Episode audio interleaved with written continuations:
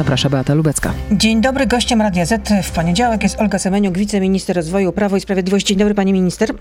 Dzień dobry pani redaktor, dzień dobry państwu. E, za trzy tygodnie już majówka, jak ten czas leci naprawdę. Czy na ten długi, przedłużony weekend będą już otwarte hotele, czy to są raczej mrzonki? Panie redaktor, szanowni państwo, to zależy od naszej dyscypliny i od tego, jakie będą liczby. Dzisiaj te liczby jeszcze nie są zadowalające, jeżeli chodzi o skalę zachorowań. One oscylują powyżej 20 tysięcy. Proszę pamiętać, że mamy kilka wariantów e, COVID-19 w kraju, więc ta decyzja jeszcze a propos przerwy majowej nie zapadła. Dzisiaj na pewno wiemy, że nasz resort przygotowuje formę wsparcia do końca kwietnia obowiązujące dla poszczególnych branż. Zwiększamy tę liczbę do 60 ponad kodów PKD. No ale trzeba się liczyć z tym, że w okresie majówki również będą obecne obostrzenia. Tak mówił w minionym tygodniu minister zdrowia Adam Niedzielski. No to w takim razie można podejrzewać, że, że branża hotelowa jednak nie zostanie otwarta.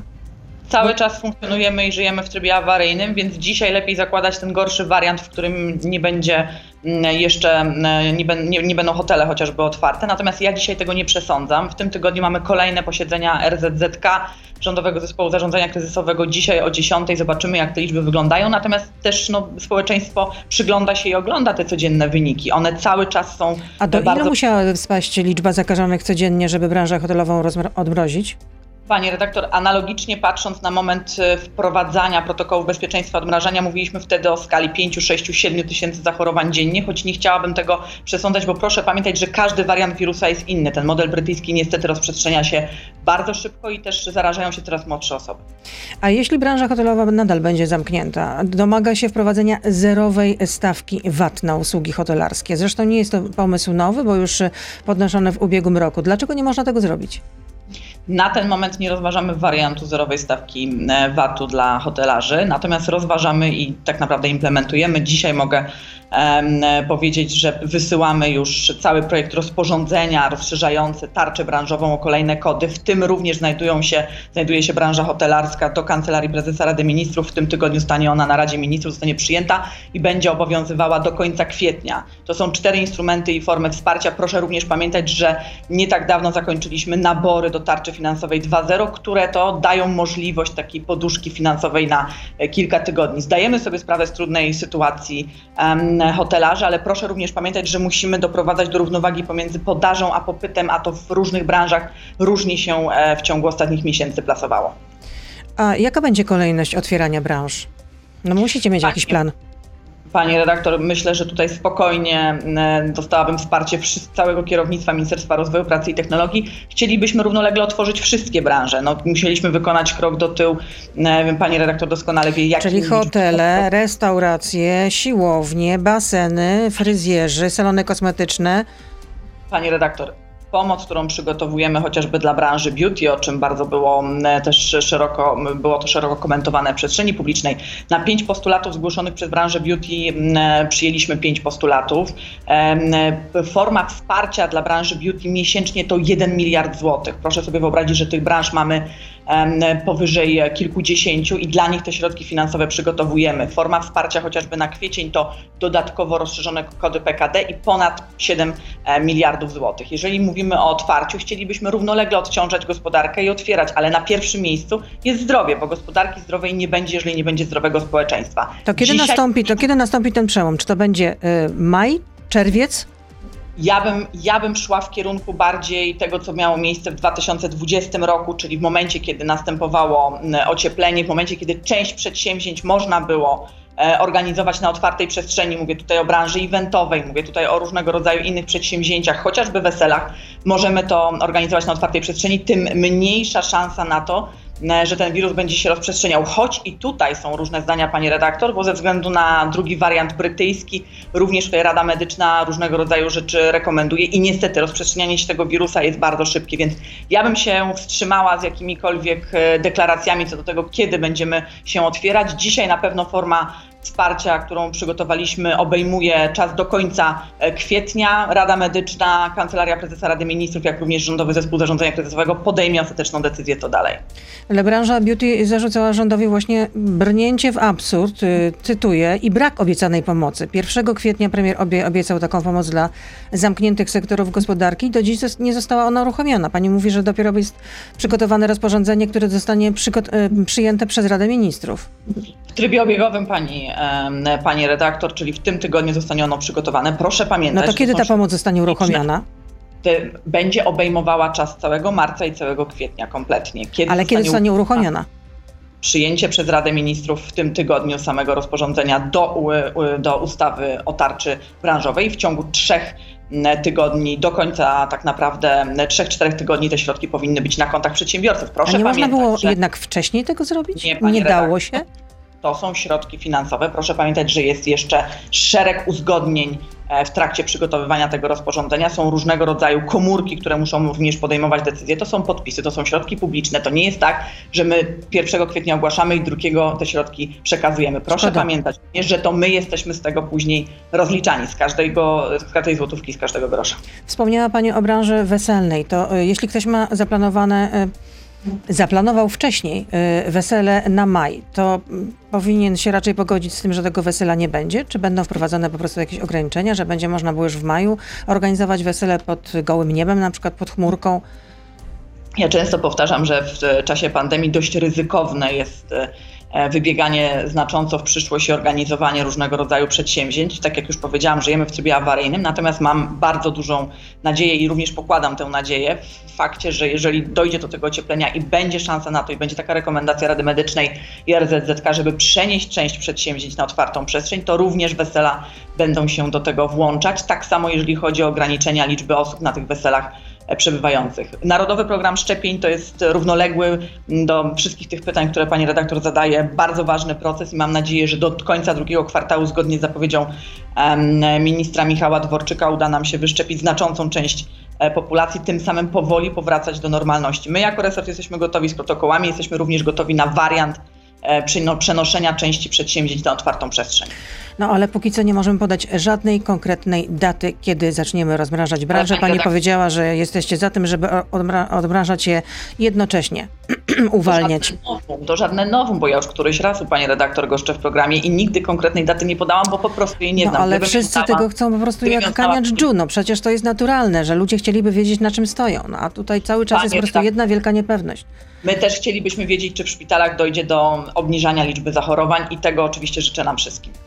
No dobrze, to tyle w części y, radiowej. Olga Semeniuk, wiceminister rozwoju z nami zostaje. Jesteśmy na Facebooku, na Radio ZPL. Beata Lubecka. Zapraszam, proszę zostać z nami. I jako się rzekło, Olga Semeniuk, wiceminister rozwoju jest z nami, czy też wiceministerka, mogę powiedzieć, czy nie? Ministerka, ministra. Pani tak, może pani tak powiedzieć. Rozumiem, że to, to pani jakoś specjalnie nie boli, ministra. A może regionalizacja w, wchodzi w grę, y, tam gdzie jest najmniej zakażeń, żeby po prostu tam uwalniać gospodarkę? E, Pani redaktor, przechodziliśmy już różne warianty, również wariant regionalizacji. Wprowadzaliśmy go chwilę przed lockdownem, który mm, musieliśmy wprowadzić ze względu na liczbę zachorowań. Oczywiście to też jest przez nas używany system i wdrażany. Na ten moment dzisiaj jednak musimy doprowadzić do znaczącego spadku e, liczby zachorowań. Po świętach wielkanocnych 7-10 dni to jest ten czas, kiedy e, ta sytuacja, mam nadzieję, nie będzie się wymykać spod kontroli, będzie opanowana. No i proszę pamiętać, że w pierwszej kolejności oczywiście patrzymy i oglądamy sytuację w samych szpitalach i w służbie zdrowia. To jest na ten moment najważniejsze, choć dla naszego resortu niesamowicie nad tym ubolewamy. Wszystkie decyzje związane z lockdownem to szereg różnego rodzaju postępowań, rozmów e, z przedsiębiorcami, spotkań. e, Za co chciałabym serdecznie podziękować, bo ten dialog jest nam bardzo potrzebny. No i wypracowywanie kolejnych instrumentów e, wsparcia na ten trudny czas. To jeżeli mówimy o spotkaniu, bo w tym tygodniu ma być, dojdzie do spotkania z branżą hotelową, to co pani, kiedy to spotkanie przede wszystkim i co pani zaproponuje? W tym tygodniu bezpośrednio z branżą hotelową będzie się widział pan minister Andrzej Gut-Mostowy. Wiem, że chyba w środku Sam tygodnia. hotelarz? W środku tygodnia i wiceminister odpowiedzialny za dział turystyki. W, w środku tego tygodnia ma się właśnie z branżą e, hotelarską spotkać. Być może pojawią się nowe warianty, instrumenty wsparcia. Proszę pamiętać, że ja zawsze bardzo mocno grubą kreską oddzielam te doraźne, które wiążą się z pomocą bezzwrotną, ale również instrumenty, które mogą nam e, posłużyć na kolejne miesiące, jak nie lata, jeżeli chodzi o odbudowę. Czyli nie może pani powiedzieć, jakie to będą propozycje, e, które usłyszy branża hotelowa? A może jednak y, obniżenie podatku VAT na usługi hotelarskie do 5%. Też rozmawiałyśmy wiele razy w tym programie, że pani jest y, akurat orędowniczką takiego rozwiązania, ale ono nie wchodzi y, w życie. zaletą e, dialogu z przedsiębiorcami jest fakt, że to oni bezpośrednio zgłaszają różnego rodzaju propozycje, a my je później intensywnie mm, omawiamy w no, naszym... Dlaczego ten zerowy VAT nie może wejść w życie? Bo co? To Jeżeli... było po prostu, że budżet by tego nie dźwignął? Budżet państwa? Nie jest to teraz nie jest to teraz brane pod uwagę, ale również proszę pamiętać, że sprawdzamy płynność i ochronę miejsc pracy, zarówno płynność przedsiębiorstw i to, jakimi środkami dysponują, jak również e, stopę bezrobocia, o czym już nie chcę mówić, bo wszyscy wiemy, że jest ona najniższa w Unii Europejskiej. Ja również biorę pod uwagę wskaźnik PMI, czyli tak zwanej aktywności przemysłowej, tego co się dzieje. Dziewiąty miesiąc z rzędu odnotowujemy już powyżej 50 punktów, to pokazuje, że nie mamy tego globalnego spadku. Tak samo jeżeli chodzi o bilans CIDG i liczbę firm, które, e, które są założone i są aktywne i funkcjonują, jak również tych zawieszonych. Te dane pokazują, że na ten moment instrumenty, które przygotowaliśmy dla przedsiębiorców są wystarczające. Ale wracając i powracając do Pani pytania dotyczącego 5% stawki VAT gastronomicznej, jest to temat, który został zgłoszony przez część środowisk Rady Dialogu Społecznego. Ja faktycznie e, jestem osobą, jestem zwolennikiem tego projektu, ale proszę pamiętać, że decyzję podejmuje bardzo szerokie środowisko, w tym chociażby Ministerstwo Finansów. Ale e, rozumiem, że Ministerstwo Finansów nie daje zielonego zielonego światła, bo to byłoby zbyt, zbyt duże uszczuplenie dla budżetu, tak? Jeśli chodzi o finanse. Wydaje się, że nie chodzi nawet o uszczuplenie budżetu, bo tutaj i tak dojdzie do tego uszczuplenia budżetu poprzez kolejną tarczę branżową i 7 miliardów złotych dla przedsiębiorców i 60 kodów PKD w kwietniu, bo o to musimy rozszerzyć, dlatego że restrykcje są bardzo poważne, które wprowadziliśmy. Bardziej chyba mówimy o tym, co przyniesie odpowiednią regulację i równowagę pomiędzy popytem a podażą. Proszę pamiętać, że ta stawka VAT gastronomiczna, no to też musi się wiązać z konkretnym popytem, bo to, że przygotujemy podaż nie wystarczy, musi być również e, do tego mm, popyt. Staramy się przygotować teraz te instrumenty, które pozwolą przetrwać, a jak już uda nam się mm, e, z pomocą całego społeczeństwa doprowadzić do obniżenia e, skali zachorowań, mam nadzieję, że będziemy równolegle mogli otworzyć kilka, kilka czy kilkanaście branż, ale to jest jeszcze oczywiście, myślę, że przed nami. A branża eventowa, czy zostanie otwarta na wakacje? E, Pani redaktor, tutaj pojawiają się różne. No na przykład, czy można spodziewać się, że, bo też są takie postulaty, że rodzimi artyści, żeby chociaż mogli występować.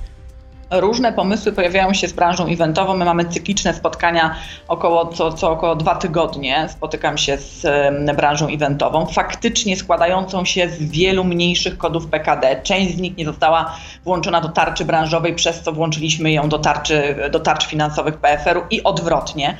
Jeżeli tylko uda nam się wypracować model chociażby równoległy do tego Narodowego Programu Szczepień, czyli grup środowiskowych, które są wyszczepione, być może uda nam się również przeprowadzać po prostu tematyczne eventy z tą branżą i to też jest jeden z wariantów, który brany jest pod uwagę, tylko też Ale wszystko jest hipotetyczne, być może hipotetyczne. A dlaczego nie ma szans na... Tak, proszę. Proszę. Tutaj pani redaktor potrzebna jest również zgoda i konsensus z Ministerstwem Zdrowia i z GIS-em. A dlaczego nie ma szans na uruchomienie trzeciej tarczy antykryzysowej? Nie ma już rezerw finansowych, z których można czerpać? Pani redaktor, to nie jest tak, że na pewno nie rozważamy tego wariantu. Jeżeli lockdown, czego nie zakładam na ten moment, ale trwałby jeszcze przez wiele tygodni, to jest jedna z opcji do tego, aby przystąpić do negocjacji z Komisją Europejską. Tarcze finansowe PFR-u to przede wszystkim Komisja Europejska, zgoda również na e, środki publiczne, które będą wydatkowane dla przedsiębiorców na e, dany cel. Więc dzisiaj oczywiście jest to jedna z rezerw, która którą, e, którą mamy na widoku. Na ten moment nie jest ona potrzebna do implementacji ze względu na wypełnienie przez tarczę branżową i cztery instrumenty, o których jeszcze szybko tutaj przypomnę, czyli zwolnienie ZUS-u, postojowe, mała dotacja i co ważne, no, kolejne E, o kolejne 3 tysiące, e, o kolejne 3 miesiące przedłużamy 2 tysiące złotych dopłat do kosztów pracownika. Pani redaktor, mała dotacja 5 tysięcy złotych, ale powiem Pani, że jest ona dużym ratunkiem chociażby dla samozatrudnionych, którzy nie byli włączeni do tarcz finansowych PFR-u, więc proszę zobaczyć, te instrumenty się wzajemnie uzupełniają. A dlaczego nie można było włączyć e, do PFR-u tych samozatrudnionych? Komisja Europejska nie wyraziła zgody na to, aby samozatrudnieni byli w to włączeni. Minimalnie dwie osoby. Proszę pamiętać, że globalnie patrzymy na to, aby ochraniać jak najwięcej miejsc pracy. To jeszcze zacytuję y, dyrektorkę generalną Związku Polskich y, Pracodawców Handlu i Usług, y, Zowię Morbiato, która mówiła w rozmowie z Polską Agencją Prasową, że bylibyśmy zobowiązani, gdyby instrumenty pomocowe były uruchamiane tak sprawnie, jak sprawnie jesteśmy pozbawiani możliwości działania, bo pani tutaj mówiła, że jak to jakaś wystarczająca ta pomoc i jak uruchomiona bardzo szybko, no ale tutaj to, co mówi pani dyrektor, przeczy temu, co pani powiedziała. Pani redaktor, proszę pamiętać, że tarcze PFR-u mają i miały to do siebie, że były implementowane w bardzo szybki e, sposób, pomimo tego, że byliśmy zobligowani do rozmów z Komisją Europejską. Środki finansowe po złożeniu wniosków w ciągu dwóch dni do 48 godzin średnio znajdowały się na kontach przedsiębiorców. Ustawa i tarcza branżowa mus, musiała przejść przez e, polski parlament. Każde rozporządzenie musi być, być przyjęte przez Radę Ministrów. Tylko można je przygotować wcześniej, a nie na ostatnią chwilę to nie było przygotowywane absolutnie na ostatnią chwilę, bo w momencie, kiedy byliśmy poinformowani o tym, że takie rozporządzenie przygotowujemy, nastąpiły prace przygotowawcze. Tylko proszę pamiętać, że szereg podmiotów, to są środki publiczne, szereg podmiotów musi się pod tym podpisać, bo później kontrola tych środków finansowych, co jest naturalnym procesem i etapem, musi nastąpić, a my również musimy być na to przygotowani. Stąd wydłużony proces, ale proszę pamiętać również, że te środki, chciałabym tutaj e, uspokoić osobę, która zadawała to pytanie, będą obejmowały cały kwiecień i cały marzec z datą wsteczną. No tak, to pani już o tym mówiła. Jest, jest, kolejne pytanie od słuchacza. Wojciech pyta, czy firmy działające pod PKD, które zostaną dołączone pod najnowszą tarczę branżową, które będą zwolnione z ZUS, mają płacić składki ZUS w kwietniu, czy będą zwolnione? Tak, te, te, składki muszą być zapłacone do momentu, kiedy te środki finansowe nie będą na kontach, czy właśnie nie uzyska się już formalnej zgody na to, aby umorzyć taką składkę, to powinny być na ten moment e, uiszczane. Dodatkowo jeszcze, bo chciałabym o tym wspomnieć. Mhm, czyli trzeba będzie zapłacić ten ZUS w kwietniu. Na ten moment tak, ale później oczywiście będzie rekompensata finansowa z tego tytułu, e, pani redaktor. No po to te narzędzia przygotowujemy. Ale chciałabym jeszcze ważną rzecz dla wszystkich przedsiębiorców. To jest drugie pytanie. Jeśli nie będą zwolnione, to kiedy będą zwolnione ze składek? Za te miesiące będzie rekompensata finansowa do końca kwietnia, tak jak powiedziałam, marzec, kwiecień. Chciałabym jeszcze jedną rzecz dla przedsiębiorców przekazać. Ruszyły szkolenia związane z umorzeniem tarczy finansowej 1.0 w wysokości 7 miliardów złotych. Wszystkie informacje są na stronie mm, PFR-u z tym związane, więc zachęcam gorąco wszystkich tych, którzy z tej tarczy skorzystali i mogą się ubiegać o anulację tych środków, o wykorzystanie tego szkolenia i rozpoczęcie procesu, mm, tak naprawdę anulacji tych środków. A jaki procent przedsiębiorców zbankrutował przez ostatni rok? Czy są takie dane?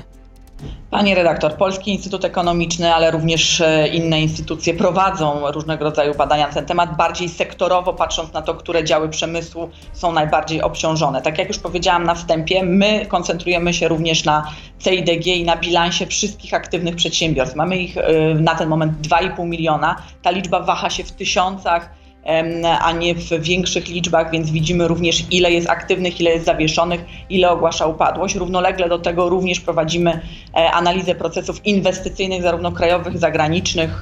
Wiele departamentów w naszym resorcie przygotowuje formuły, które będą pozwalały zmniejszać kryteria ilościowe, jakościowe wchodzenia chociażby do polskiej strefy inwestycji, polskim głównie przedsiębiorcom. Czyli nie wiadomo, ile takich firm zbankrutowało. Bardziej patrzymy sektorowo. Procentowo, pani redaktor, na ten moment nie odpowiem, natomiast bardziej patrzymy sektorowo, które branże są e, najbardziej e, poszkodowane. I tutaj niewątpliwie nie będzie nowością, jeżeli powiem, że branża eventowa, branża gastronomiczna, branża również, branża aktywności fizycznych, no tutaj e, w tych obszarach jest, no, jest cały czas duży duży problem, który staramy się niwelować instrumentami wsparcia. A czy Pani wie, kiedy poznamy szczegóły Nowego Ładu? No bo jednak chyba opinia publiczna chciałaby w końcu się dowiedzieć, jakie będą zmiany w podatkach na rok 2022 dużo oczywiście w przestrzeni publicznej. W e, no to wiemy, ale czy pani wie, kiedy ten nowy ład zostanie zaprezentowany? Bo pierwotnie miał być Mam zaprezentowany nadzieję. 20 marca, zostało to przełożone ze względu na, na pandemię, na trzecią falę pandemii nasilającą się.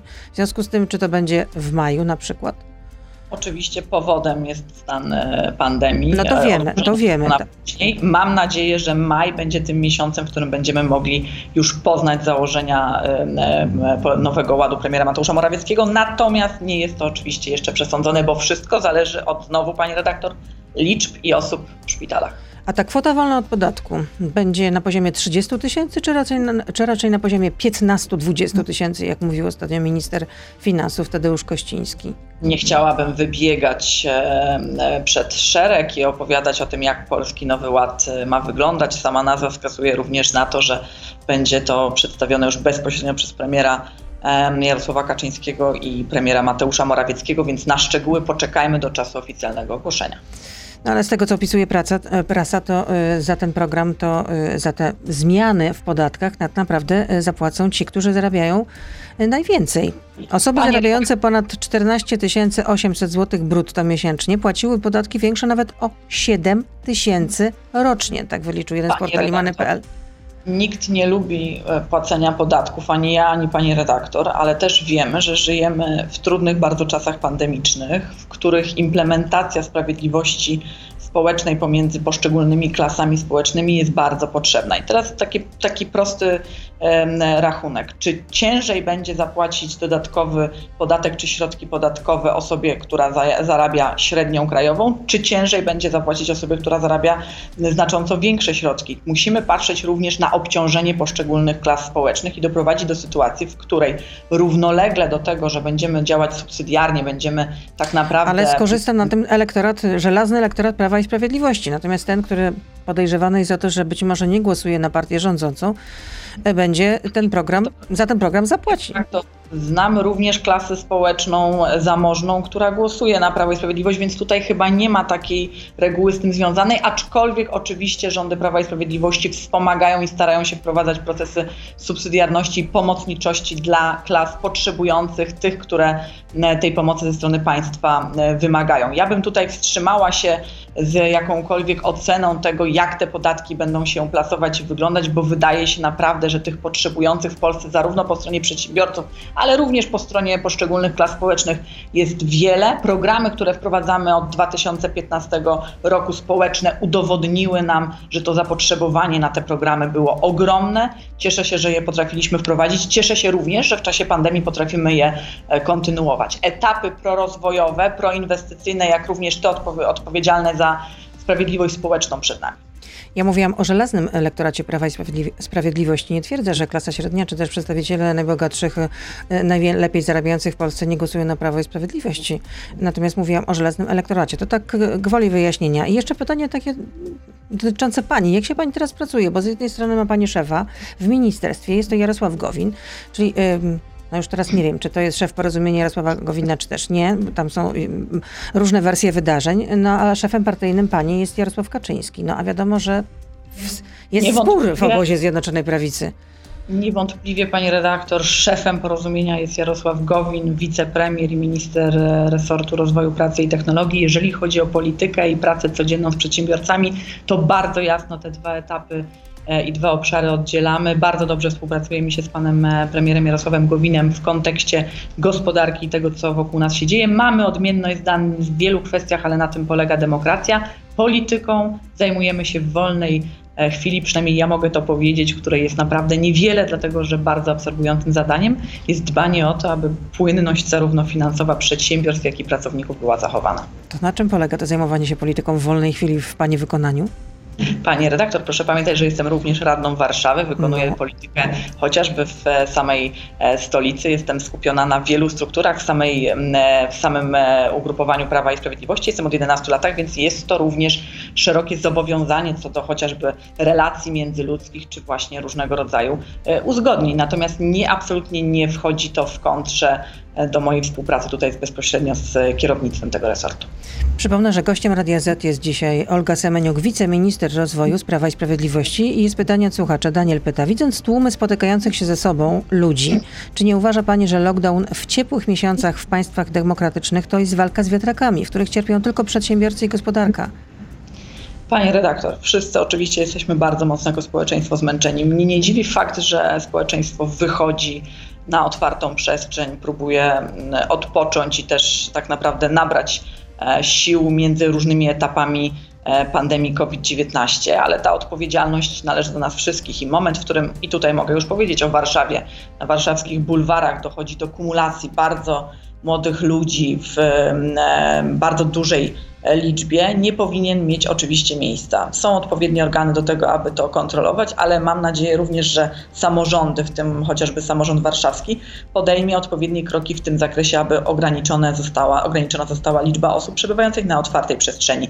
Wiemy również, i to jest analogia z 2020 roku, choć nowa w kontekście kolejnych szczepów wirusa, że ciepło i ocieplenie nie służy rozprzestrzenianiu się tak szerokiemu COVID-19, choć wariant brytyjski niestety udowadnia zupełnie co innego. Więc tutaj jeszcze raz odpowiedzialność wszystkich Polaków, którzy przebywają w różnych miejscach. Rozumiem zmęczenie, rozumiem chęć przebywania na otwartej przestrzeni, ale tylko dystans, spadek mobilności społecznej i zachowanie tych wszystkich restrykcji, z którymi żyjemy od wielu miesięcy, są w stanie być gwarantem spadku liczby zachorowań i osób przebywających w szpitalach. Darek pyta, czy wczorajszy zjazd motocyklistów na Jasnej Górze powinien się odbyć? Czy twórcy tego pomysłu powinni być pociągnięci do odpowiedzialności? Tam było chyba około 10 tysięcy osób i sama policja poda- po, przyznaje, że nie wszyscy motocykliści y, słuchali się zaleceń i stwierdzono naruszenia.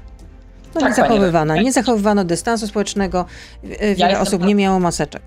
Ja jestem bardzo restrykcyjna, jeżeli chodzi o przestrzeganie zasady DDMA i tak samo różnego rodzaju organizacji tego typu przedsięwzięć, więc uważam, że tutaj organy odpowiednie, które są odpowiedzialne za kontrolę tego, powinny tutaj w odpowiedni sposób również e, reagować i do tego typu sytuacji nie powinno A dochodzić. organizatorzy powinni po, ponieść jakąś odpowiedzialność? Organizatorzy tego wydarzenia? Oczywiście, jeżeli narazili, narazili społeczeństwo na rozprzestrzenianie się COVID-19 e, zgodnie z e, obowiązującym chociażby rozporządzeniem, to oczywiście, że tak. Każdy, kto łamie te zasady, powinien być w odpowiedni, e, do odpowiedni, odpowiednio po prostu potraktowany w tym zakresie. No niestety tak e, to e, muszę sformułować, bo jesteśmy odpowiedzialni za życie tych wszystkich, którzy są obecnie w szpitalach w różnych stanach i tych, którzy niestety prawdopodobnie w tych szpitalach się znajdą. A widziała Pani może y, film, który można obejrzeć w sieci, jak policja potraktowała, właściwie jeden z policjantów potraktował kobietę w Głogowie na Dolnym Śląsku? Pani redaktor, widziałam ten filmik, również widziałam reakcję m, pani poseł Pawłowskiej w tym zakresie, widziałam rozbieżność e, zdań pomiędzy lewicą a panią poseł. No nie, ale co. Pani sądzi na temat tego, co Pani zobaczyła? Że ta kobieta została powalona na ziemię, że była bita pałką. Czy to była y, naprawdę w- adekwatna, adekwatna reakcja policjanta? Pani redaktor, nie wyobrażam sobie żyć w państwie ani w kraju, w którym policji nie ma, policja nie funkcjonuje. i Ale to policja nie mówimy o tak, bo to byłby absurd generalnie, tylko że no, Ale absurd absurdem, tylko z drugiej strony bardzo często, pani redaktor, dochodzi do prowokacji. To już nie jest nasza pierwsza rozmowa, w której rozmawiamy o jakimkolwiek przekroczeniu po, po stronie właśnie danej osoby, która bierze udział w danym manifestie, przedsięwzięciu, jej kompetencji, czy tego, co powinna, a czego nie powinna zrobić. Organy kontrolne, organy ścigania są od tego, aby tego przestrzegać. I ja tutaj oczywiście, ze względu na to, że sama jestem kobietą, e, uważam, że są różnice pomiędzy traktowaniem samej kobiety i mężczyzny. Aczkolwiek w tej sytuacji, przy tym filmiku, no, znowu stanę w obronie e, polskiej policji, bo nie wyobrażam sobie, gdyby ta osoba, ta kobieta mogła narazić inne osoby na jakąkolwiek krzywdę, a policja nie reagowała. W tego typu sytuacjach należy reagować e, szybko. Proszę również pamiętać, że dzisiejszy świat różnego rodzaju, czy to fake newsów właśnie, czy takich sytuacji, w której prowokujemy, jest bardzo silny i ma silne oddziaływanie No, ale to, co emocjonalne. tam widzimy na tym filmie, jednak naprawdę no, mrozi krew w żyłach, jak napisał poseł Platformy Obywatelskiej na Twitterze y, Michał Szczerba, że y, no, dołoży wszelkich starań, żeby y, dowiedzieć się, jak nazywa się ten policjant, który w ten sposób potraktował tę kobietę i że za dwa lata nie będzie go w tej formacji i że będzie szukał pracy w białoruskim OMON. Czyli rozumiem, że pan poseł Szczerba już zrezygnował z wizytacji wszystkich szpitali tymczasowych, które Nie myślę, że będzie robił jedno i drugie.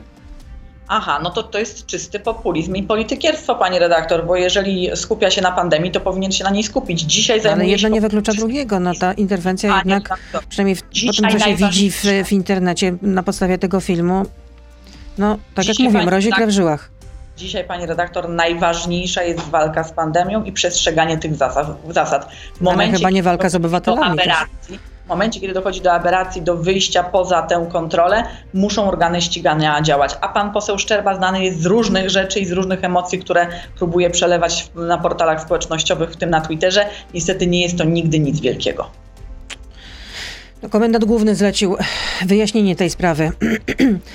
Y, Pytanie od Łukasza. Pol Polska ma trzeci w Unii Europejskiej wskaźnik bezrobocia wśród osób młodych do 25 roku życia. Co rząd ma do zaproponowania młodym osobom? Pani redaktor, przede wszystkim nie jest to trzeci wskaźnik, tylko rosnący wskaźnik, który plasuje się na trzecim poziomie w ostatnich latach. W latach 2016, 17, 18, bo pozwoliłam sobie też te e, wyniki przejrzeć, ta skala była, była o wiele niższa. Jest to oczywiście związane z pandemią e, pandemią COVID-19, to, że nam teraz to wzrasta i to nie jest żadne nowum w kontekście innych krajów europejskich. Ja bym tutaj w tym, e, na tym pytaniu raczej poczekała do ogłoszenia Polskiego Nowego Ładu, bo myślę, że tam również coś dla młodych się znajdzie. A co pani sądzi o czterodniowym tygodniu pracy lub zmniejszeniu wymiaru etatu do 7-6 godzin? Na ten moment nie jest to brane pod uwagę. Proszę pamiętać również, że pracujemy i będziemy to omawiać z Radą Dialogu Społecznego nad e, zmianą trybu pracy zdalnej, wprowadzeniem tej pracy zdalnej również. E, tutaj są szerokie rozmowy w tym zakresie. O skróceniu czasu pracy nie, nie są prowadzone na ten temat żadne rozmowy. Damian, dlaczego otwarte są mniejsze sklepy meblowe, a zamknięte duże? Na logikę, gdzie więcej miejsca, to trudniej się zarazić. Na logikę również tam, gdzie powierzchnia powyżej 2000 metrów w obiektach handlowych, tam zawsze bardzo dużo ludzi. Sklepy mniejsze, poniżej 2000 osób mogą wprowadzić większe kontrole, jak również wprowadzać i implementować większe restrykcje względem samych klientów. Jest to po prostu możliwe wtedy e, do opanowania. Taka była decyzja, tak zostało przygotowane rozporządzenie mm, e, i do tego powinniśmy się stosować do czasu trwania tego rozporządzenia. Sylwia pyta. Parlament Europejski nakazał europosłowi Ryszardowi Czarneckiemu zwrot bezprawnie pobranych pieniędzy za podróże służbowe. Czy w związku z tym poseł y, Czarnecki, europoseł, nie powinien być wyrzucony z partii za tego jak typu...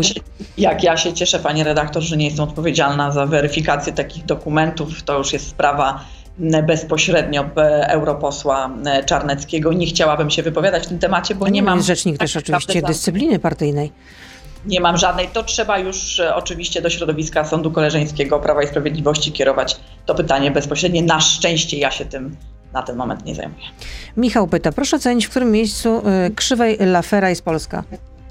Jeżeli chodzi o krzywą Lafera, czyli mówimy tutaj konkretnie o podatkach i o tym, jak podatki powinny być w kraju rozłożone, pani redaktor, to znowu odsyłam e, i chciałabym, żeby z, wszyscy, którzy nas słuchają, poczekali do Polskiego Nowego Ładu. E, ja mam jasne zdanie w tym e, temacie. Klasy społeczne, które zarabiają o wiele wyższe środki finansowe niż średnia e, krajowa, będą mniej i tak obciążone podatkami w kontrze do tych grup i klas społecznych, które zarabiają średnią krajową e, lub poniżej tej średniej krajowej. A proszę pamiętać, że tych osób jest dużo. Proszę również pamiętać o tym, że mamy bardzo e, szeroką grupę seniorów, jak i również osób niepełnosprawnych, które, w, które od państwa dostają, będą dostawać i to jest nasze zadanie, aby te środki finansowe do tych osób były kierowane. Stąd Oczywiście, jeżeli chodzi o sam system podatkowy i podział tego systemu podatkowego na poszczególne klasy społeczne, on jest zróżnicowany i musi być dostosowany do kondycji gospodarczej danego kraju. Ostatnim razem w tym programie mówiła Pani, że nie ma żadnych przesłanek, by wprowadzać stan klęski żywiołowej. To jakie są przesłanki, by zabraniać ludziom pracować? W dodatku y, na podstawie rozporządzeń niezgodnych z konstytucją. Przesłanki są w każdym szpitalu w każdym województwie, to są te przesłanki. Przesłanki są również w historiach osób w przestrzeni publicznej, które wypowiadają się już po przechorowaniu COVID-19 lub ich rodziny w trakcie. Przesłanki są w liczbach zgonów, przesłanki są w liczbach osób, które chorują i przesłanki są również w całej Europie i na całym świecie. To są, pani redaktor, przesłanki do tego, aby gospodarka niestety była wyłączona na czas ratowania życia Polaków, a równolegle do tego, oprócz tego, że nie pozwalamy pracować przedsiębiorcom w poszczególnych poszczególnych branżach, to dajemy im środki wsparcia do tego, aby przetrwali ten czas. Jak widać spóźnione. Panie redaktor, nie spóźnione. One działają na czas. Taki jest no, proces. Taki jest proces. Niestety, cytowałam tutaj e, dyrektorkę e, pewnej organizacji, która e, zrzesza przedsiębiorców, więc... Nie się z tym, ale rozumiem takie głosy. Pamiętam wywiad Mateusza Morawieckiego dla amerykańskiej telewizji, gdzie pan premier mówił o inwestycjach, inwestycjach miliardera Elona Muska w Polsce. I dlaczego nic z tego nie wyszło? Pyta kolejny słuchacz. Bardzo chętnie bym odpowiedziała na to pytanie, ale nie mam absolutnie wiedzy, ale chętnie z tym tematem się zapoznam, co ten miliarder mówił i o jakich inwestycjach konkretnie. My możemy tylko powiedzieć, że bez miliarderów tutaj w Ministerstwie Rozwoju Pracy i Technologii przygotowujemy kryteria jakościowe i ilościowe dla polskiej strefy inwestycji po to, aby polscy przedsiębiorcy, ale również zagraniczni mogli szybciej um, inwestować w Polsce. I tutaj konkretne pytanie. Tydzień temu wznawiałem działalność gospodarczą i próbowałem zaktualizować wpis w CIDG. E, miałem Dwa razy wypełniony wniosek, trzy razy błąd w logowaniu, osiem razy SMS z kodem potwierdzającym, jeden telefon na infolinie pracuje w IT. Dlaczego to beznadziejnie tak działa u Was? Zapraszam osobę, która pisze to pytanie do złożenia mm, tego samego pytania za pośrednictwem portalu Business.gov, który funkcjonuje i jest w mojej jurysdykcji. Moi pracownicy oczywiście na to e, odpowiedzą. Proszę również pamiętać, że jesteśmy na etapie fuzji dwóch portali, w tym innymi e, Biznes.govu e, z CIDG. Chcemy doprowadzić do stworzenia jednej platformy, jednego konta dla wszystkich przedsiębiorców po to, aby to ułatwić. A tak jak powiedziałam, z, z tym konkretnym pytaniem bardzo proszę zgłosić się za pośrednictwem portalu Biznes.gov. I jeszcze jedno pytanie od słuchacza. W ostatnim wywiadzie w Radiu Z powiedziała Pani, jeśli chodzi o siłownię, to patrzę na 2020 rok, gdy udawało się przenosić część przedsięwzięć na otwartą przestrzeń. Koniec cytatu. Czy w takim razie właściciel siłowni ma zamykać swoje punkty i iść pod chmurkę? Pani redaktor, no to znowu są takie pytania, które bardzo często się pojawiają. Jeżeli mamy możliwość wykorzystywania aktywności fizycznej, a to było możliwe też w 2020 roku na otwartej przestrzeni, to część faktycznie branży z aktywnością fizyczną decydowała się na to, aby taki model na otwartej przestrzeni wprowadzić, który nie wiązał się bezpośrednio z zamknięciem siłowni.